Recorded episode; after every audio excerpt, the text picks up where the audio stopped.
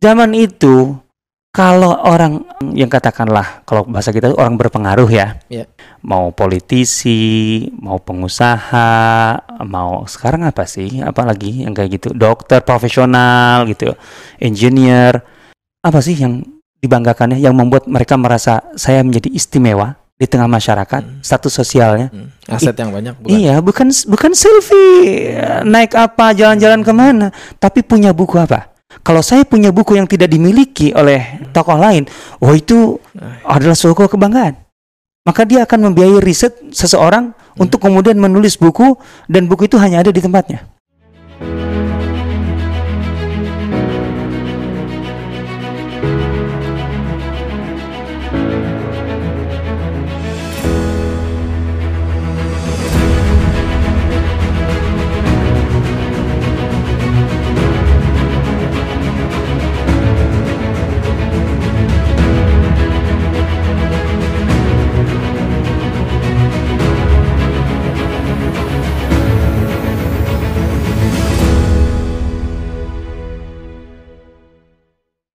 Assalamualaikum warahmatullahi wabarakatuh. Alhamdulillah wassalatu wassalamu ala Rasulillah wa ala alihi wa mawala la haula wa la quwata illa billah. Wa ba'd. Alhamdulillah senang sekali saya Umar El Rozi bisa kembali menyapa di Sirah TV ya. Buat sahabat Sirah di mana pun anda saat ini berada. Dan juga baru tem- eh, buat teman-teman yang baru saja bergabung menemukan channel ini selamat datang. Ahlan wa marhaban sebuah channel yang menyajikan tayangan seputar sirah nabawiyah dan sejarah peradaban Islam. Insya Allah kita akan kembali belajar bagaimana peradaban Islam memberikan pengaruh hingga hari ini ya. Dan eh, kita akan masih terus belajar bersama guru kita di sini ada Ustadz Asep Sobari. Assalamualaikum Ustadz. Waalaikumsalam warahmatullahi Allah, wabarakatuh. sibuk terus nih dengan bukunya. Harus. Ya. Iya dan eh, memang kental sekali sepertinya Ustadz. Muslim dengan buku ya. Kayaknya hampir-hampir atau kitab dalam eh, istilahnya gitu. Itu nggak bisa dilepaskan. nah itu juga kaitannya nanti dengan perpustakaan. Ini sejarah perpustakaan Islam itu seperti apa Ustadz? Oh. Muslim dengan buku itu Mm-mm. seharusnya seperti jasad dengan roh. Masya Allah.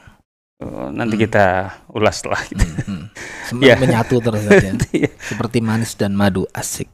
Eh, ada madu pahit kah? Oke. Bismillah. Wassalatu wassalamu ala rasulillah wa ala alihi wa sahbihi wa ala ma ba'd.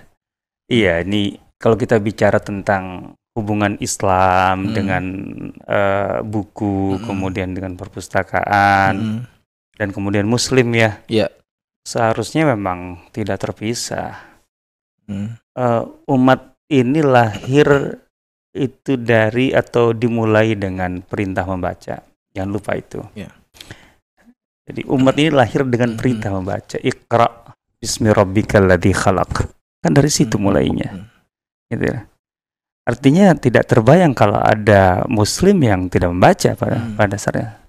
Artinya justru eh, aneh itu. Hmm. Kalau ada Harusnya membaca itu sudah menjadi habitnya seorang muslim. ya emang lahirnya dari situ. Oke. Kan Islam itu lahir dari wahyu pertama kan. Perintah membaca ya. perintah membaca dan Hmm. itu diulang bahkan iqra wa rabbukal akram kan. Eh, kemudian eh, otomatis terkait dengan ilmu gitu Eh, 'allama bil qalam 'allamal insana ma lam ya'lam ada tiga kata ilmu ada dua kala, dua kata Hmm. perintah membaca ada satu kata pena medianya Hmm. jadi memang eh, umat Islam itu lahir dengan dengan Hmm. atau dari dan dengan gitu, literasi dan literatur Hmm. Tapi di zaman Rasulullah sendiri kan ya kental dengan eh, kesibukan dakwah. Ada nggak set aktivitas kayak mungkin sekarang mungkin ya baca Nah. bareng gitu kira-kira buka buku bedah buku lah. ini ini menarik kalau kita eh, kaitkan ya antara perintah wahyu Mm-mm. dengan aplikasinya praktek di lapangannya. Bagaimana tuh? Ustaz? Nah, sekarang begini, eh, Al Yaqubi kalau tidak salah memberikan data ya, kalau nggak Al Baladuri atau di dua-duanya, bahwa ketika Islam itu dimulai di Mekah dan di Madinah itu di masing-masing kota ini, Hmm. yang bisa membaca dan menulis nggak nyampe 20 orang masing-masing. Trennya saat itu memang begitu. Memang kan ummiyun. Artinya nggak mementingkan baca tulis. Sehingga kemudian nggak bisa. Ini khusus di Mekah Madinah Enggak Arab secara umum. Eh, atau secara umum itu? oh enggak enggak enggak Enggak enggak, ya? enggak kita tahu sudah ada tulis menulis dan Oke. sebagainya gitu ya. Hmm.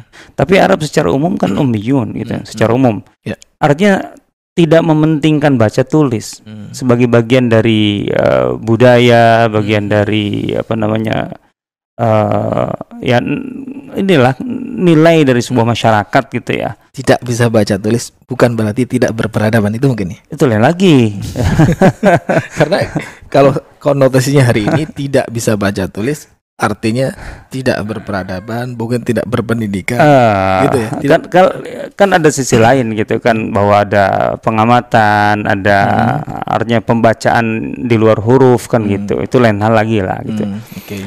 Eh, dan juga tentu saja pembatasan dari istilah peradaban itu sendiri itu penting di sini.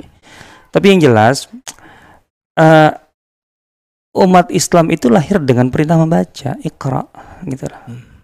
Ya kalau bagi Rasulullah SAW tentu saja bacaannya bukan bacaan kayak kita, kita membaca huruf, beliau kan membaca Hmm. membaca semesta, membaca eh, fenomena kan gitu. Hmm. Nah, dan itu ilmunya langsung diberikan Allah Subhanahu wa taala beda dengan kita. Tapi yang jelas bagi kita tentu saja yang tidak terhubung dengan wahyu dalam arti kita bukan penerima wahyu, ya membaca itu ya mulai dari membaca huruf.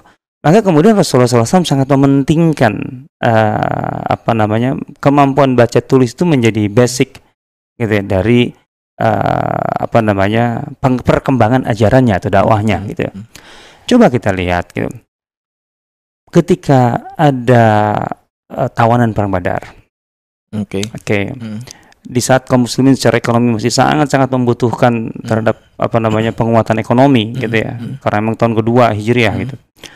Itu kan Rasulullah SAW memberikan keringanan kepada para Tawanan. tawanan Badar itu dari Quraisy itu Hmm. yang bisa membaca dan menulis gitu loh. Itu dia Mengajarkan. bisa bebas tebusannya adalah dengan mengajar 10 anak Madinah, Hmm. anak-anak Madinah, Hmm. 10 anak Madinah gitu untuk bisa baca tulis. Yang lain kan menebus dengan uang Hmm. 4000 dirham, 400 dinar 1,6 miliar. Kan gitu, Hmm. lumayan kan?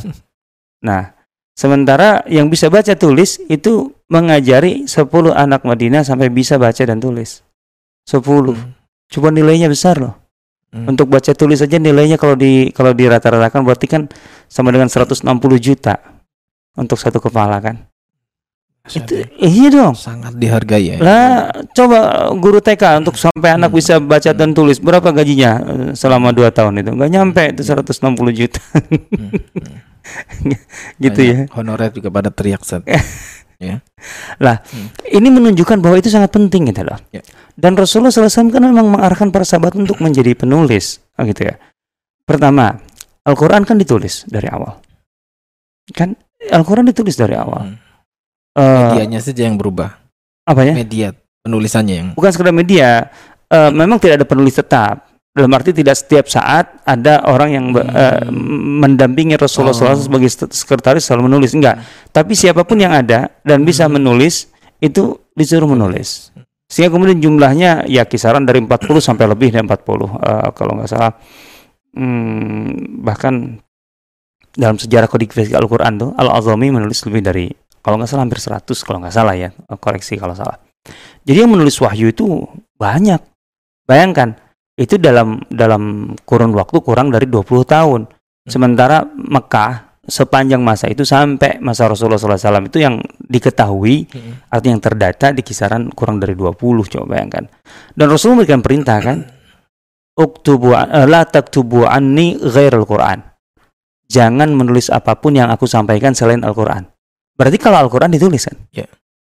Tapi selain Al-Qur'an jangan ditulis. Hmm. Itu di awal-awal. di awal ya. Berarti ada ada ada instruksi dari Rasulullah SAW untuk menulis Al-Quran dari awal. Baru kemudian di, di akhir-akhir setelah di Madinah di belakangan Rasulullah membolehkan menulis hadis. Hadis. Ya, uktubu li Abi Syah. itu kan eh, apa namanya dalilnya gitu. Jadi menunjukkan bahwa memang kegiatan atau aktivitas tulis menulis itu menjadi sangat eh, semarak sekali. Tadi tawanan perang dengan berbagai cara Hmm. tawanan perang, kemudian untuk kepentingan wahyu, kemudian dokumentasi. eh, Bahkan Rasulullah SAW punya sekretaris nanti Hmm. untuk menulis surat-surat, Zaid bin Sabit dan Ya. lain sebagainya gitu kan. Eh, dan bahkan Rasulullah SAW juga menyuruh eh, siapa eh subhanallah hmm, Al-Adawiyah itu untuk mengajari Hafsah menulis menulis gitu ya. Hmm. Nah, terus kemudian para sahabatnya eh, di antaranya yang di Ansar itu disebut Qurra gitu loh. Hmm. Qurra itu kan Qurra itu ya ada ah, para sahabat yang memang bisa dikatakan punya kegiatan yang sangat intensif. Jadi Dengan- inten- sangat intensif untuk untuk mengkaji eh, apa namanya eh, mendalami kajian-kajian Rasulullah SAW di majelis mereka. Hmm. Artinya setelah mereka bermajelis dengan Rasulullah seharian, mereka kemudian punya tempat markas namanya Darul Qurra itu di antara Profesor Akram Umari menyebut itu Hmm. bahwa kalau muhajirin punya sufah, Hmm. Ansar punya Darul Qurra dan itu semuanya adalah pusat eh, apa namanya ilmiah kegiatan ilmiah yang intensif gitu loh. Hmm. dan otomatis baca tulis di situ sangat kuat sekali kan Qurra itu kan dari pembaca kan Hmm. pembaca orang baca ya dasarnya bisa menulis ya artinya baca dan nulis lah kurang lebih Sepakat saya. Nah, jadi zaman Rasulullah SAW sudah, sudah seperti ini. Iya.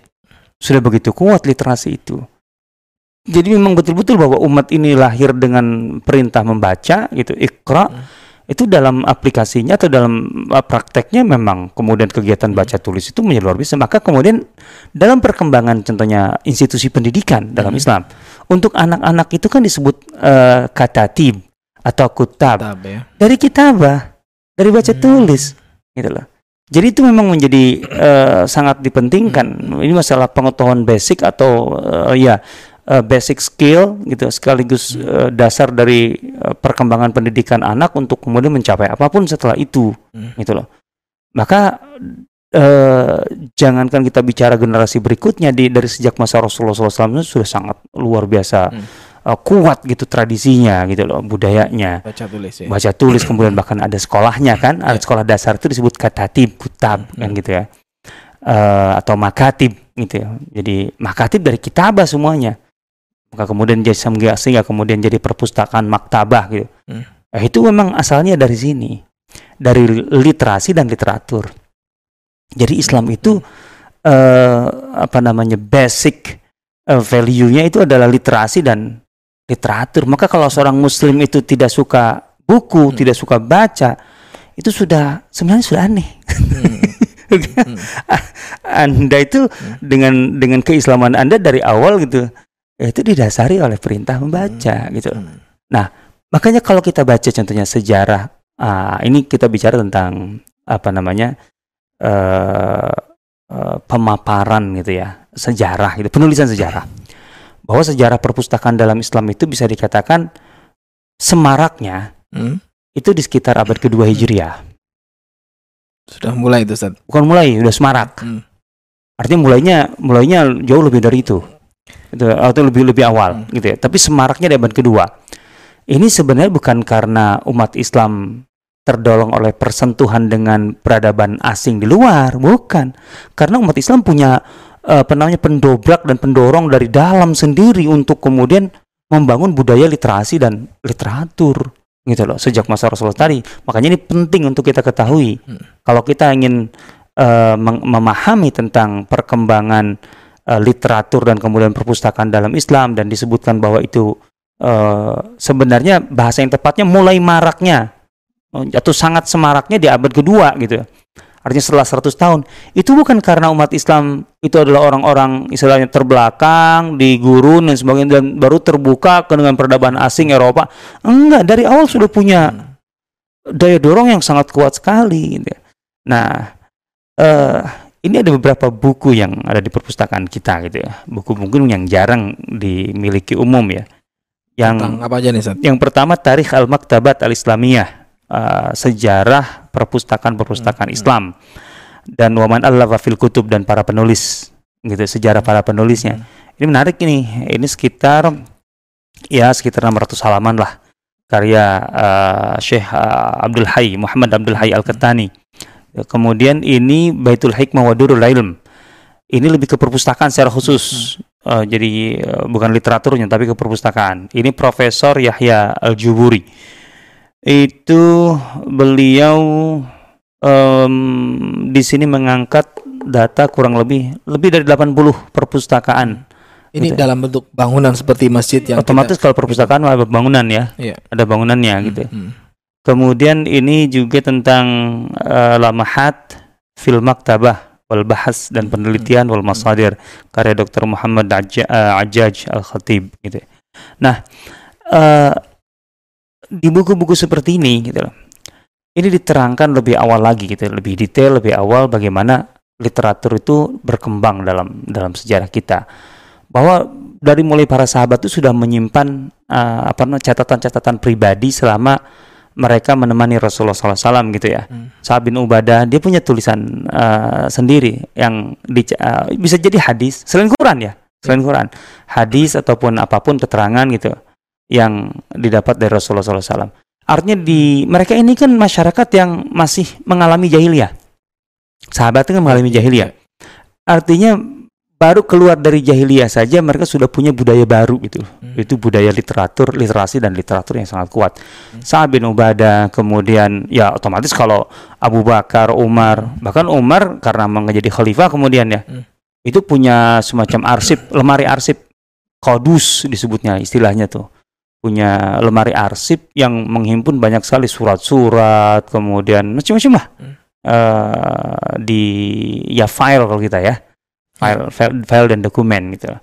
Terus kemudian eh, kan kita tahu ada diwan, ada apa namanya eh, administrasi untuk tentara, masuk militer, kemudian juga tunjangan untuk rakyat. Kan Umar bagi-bagi eh, apa namanya bagi-bagi tunjangan kepada rakyatnya tiap tahun. Hmm.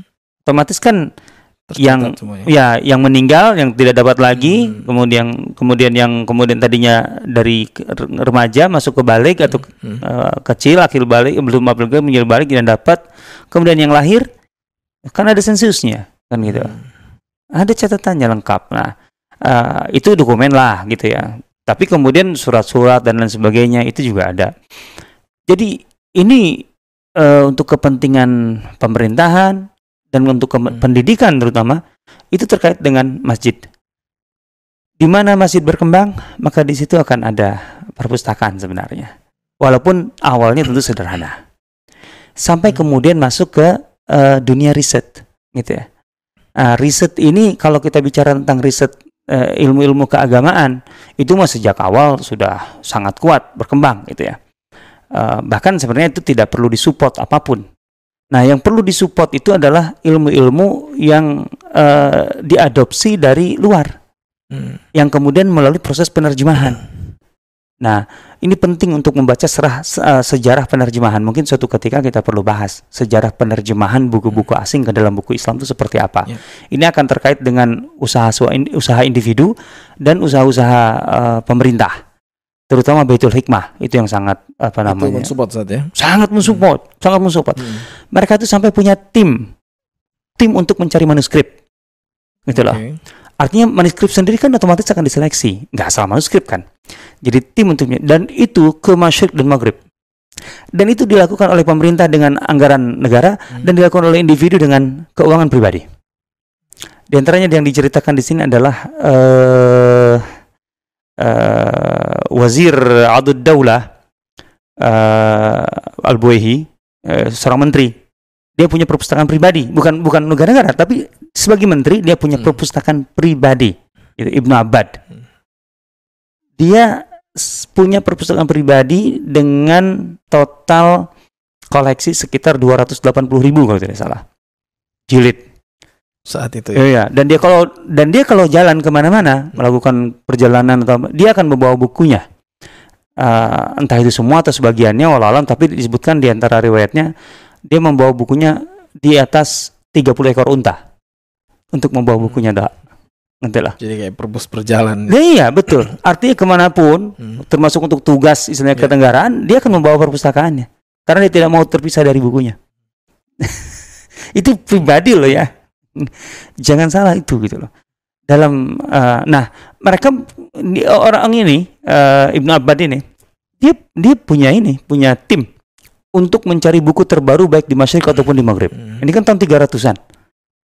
Jadi buku, buku saat itu kan belum ada percetakan. Iya.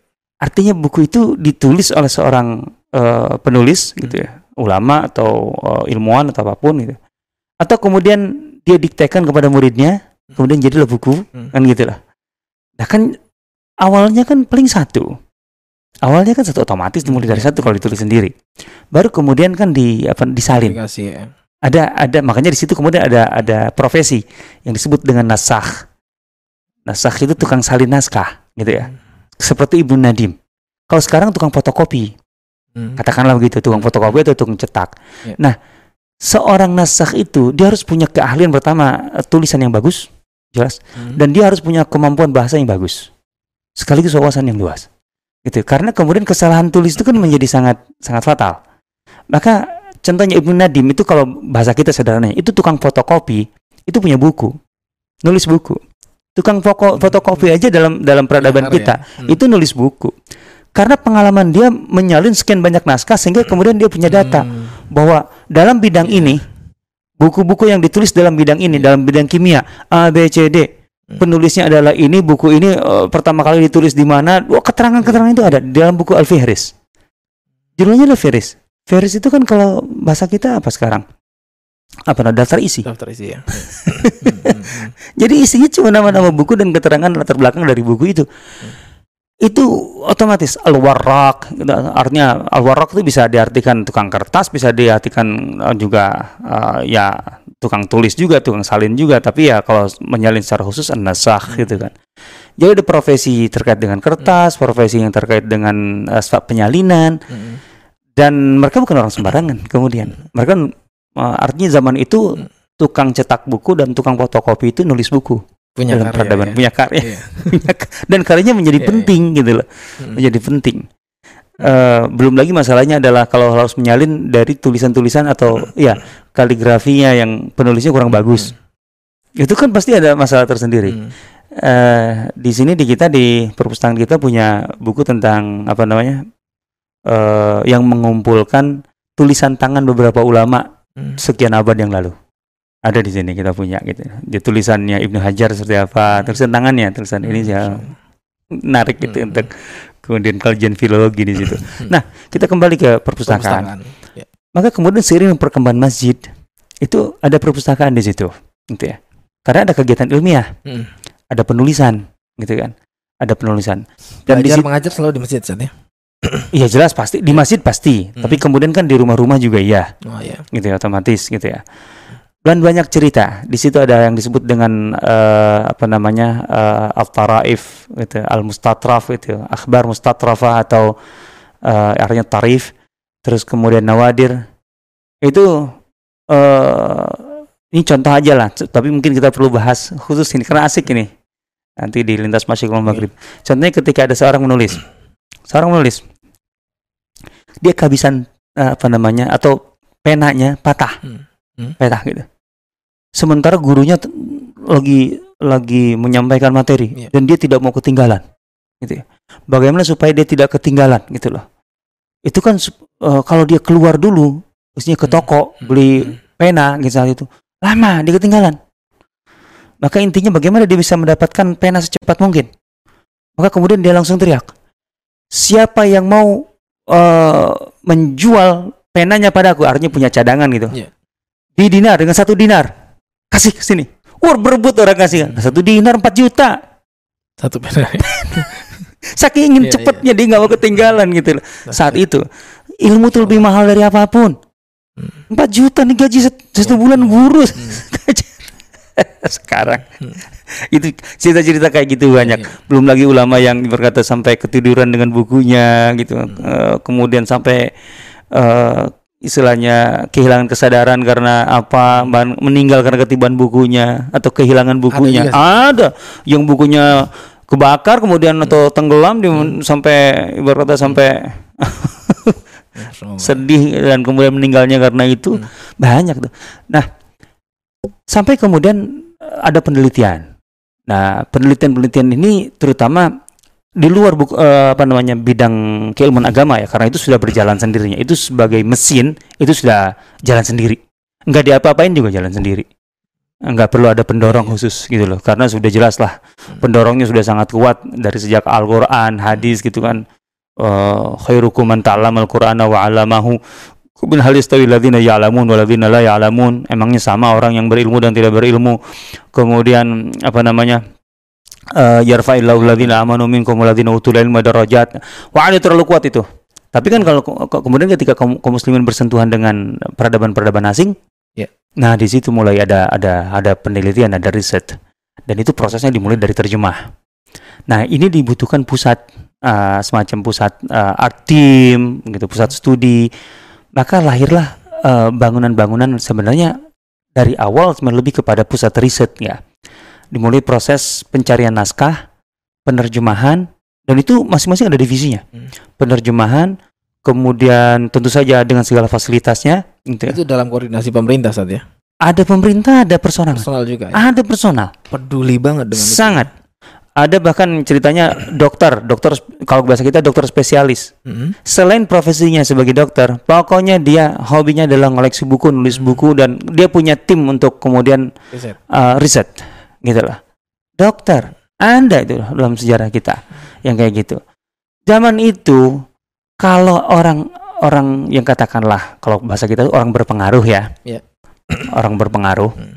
mau politisi, mau pengusaha, mau sekarang apa sih? Apalagi yang kayak gitu, dokter profesional gitu, engineer. Apa sih yang dibanggakannya yang membuat mereka merasa saya menjadi istimewa di tengah masyarakat, Hmm. status sosialnya? Hmm. Aset yang banyak bukan. Iya, bukan bukan selfie naik apa, jalan-jalan ke mana, tapi punya buku apa? Kalau saya punya buku yang tidak dimiliki oleh eh, tokoh lain, oh itu adalah suatu kebanggaan. Maka dia akan membiayai riset seseorang untuk kemudian menulis buku dan buku itu hanya ada di tempatnya. Dan tidak ada tempat lain. Itu dulu tuh begitu, budaya kita tuh begitu. Hmm. Maka lahirlah perpustakaan-perpustakaan itu, gitu loh. Artinya baik itu perpustakaan publik yang itu didanai pemerintah Hmm. ataupun perpustakaan pribadi. Yang publik itu ya biasanya raja-raja, sultan-sultan gitu kan, Baitul Hikmah gitu. Eh, bahkan sebelum Baitul Hikmah sebenarnya sudah ada pusat riset oleh siapa Khalid eh, bin Yazid bin Muawiyah kan. Itu kan eh, amirnya apa namanya Bani Umayyah yang tidak mau jadi khalifah karena dia lebih cinta buku. Gitu, cuma jarang diangkat itu gitu loh. Nah, itu eh, Ibnu Nadim dalam Firis menyebutkan tentang eh, dia apa namanya aktif menulis bahkan dia menulis tentang kimia dan sebagainya. Yang jelas dia punya tim untuk itu. Ya terjemah dan kemudian itu dilanjutkan oleh Abbasiyah gitu loh. Abbasiyah meruntuhkan politik Bani Umayyah tapi tradisinya dilanjutkan sama dia dari mulai Abu Ja'far al-Mansur kemudian menguatnya di Harun ar-Rasyid dan kemudian dikuatkan lagi oleh Al-Ma'mun gitu kan Baitul Hikmah itu. Tapi selain mereka, menteri-menterinya, kepala daerahnya gitu ya, itu punya perpustakaan. Enggak heran, punya perpustakaan. dan jumlahnya nggak kecil. Jumlahnya dari mu- mulai artinya koleksi perpustakaannya pribadi mulai ribuan puluhan ribu itu biasa, puluhan ribu biasa sampai ratusan ribu. Ratusan ribu. Selain perpustakaan umum ya. Selain perpustakaan umum. Iya. Kalau perpustakaan umum di Andalus saja di di masa Bani Umayyah Andalus itu perpustakaan umumnya yang yang terdata ada 70 perpustakaan publik. Bukan pribadi ya. Iya. Lain lagi punya pribadi. Di Andalus. Makanya kemudian kalau kita bicara tentang kegemilangan peradaban, kemajuan umat Islam, ini sisi yang seharus harus dimasukkan dalam penulisan sejarah Hmm. karena apa namanya eh, kualitas literasi, kemudian perkembangan literatur, kemudian perpustakaan, pusat-pusat penelitian itu sangat luar biasa. Jadi sejarah kita itu bukan sejarah pukul-pukulan, saling jatuh menjatuhkan kekuasaan saja. Itu itu ada memang, tapi harus baca eh, yang sisi ini. Dan ini kan gak gampang membangun budaya apa namanya membaca eh, riset apalagi perpustakaan itu waduh luar biasa. Al-Ma'mun itu kalau tidak salah sampai mengkarantina Al-Asma'i untuk melahirkan buku sekian bulan. Tidak boleh keluar kecuali untuk sholat jamaah. Tapi selain itu udah nulis buku sampai selesai. Aktivitasnya Kita mana aja. ada. Iya, dan itu didanai besar.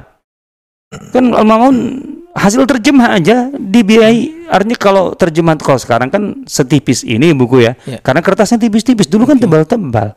Hmm. Juga fontnya juga ya, fontnya iya. juga gede. nggak mungkin sekecil ini. Ini kan sudah cetak. Hmm. Itu kebayang gedenya kayak gimana. Hmm. Selesai terjemah, ditimbang. Berapa berat? Emas. Kan kalau buku sekarang rata-rata kalau segini aja udah hampir sekilo, lebih lebih sekilo nih kalau Iya. 500 halaman ya. Iya. Mas Umar ya. Kalau kertasnya bukan kertas. Ini bukan paperbook loh. Hmm. Bukan buku, buku paper, sorry. Ini sekilo ya. Kalau emas sekilo kan 1000 gram loh. Ya lumayan 1 M ya penerjemah. Nah kalau 2 kilo Jadi asik. harganya setara dengan berat buku itu. Ya di antaranya itu.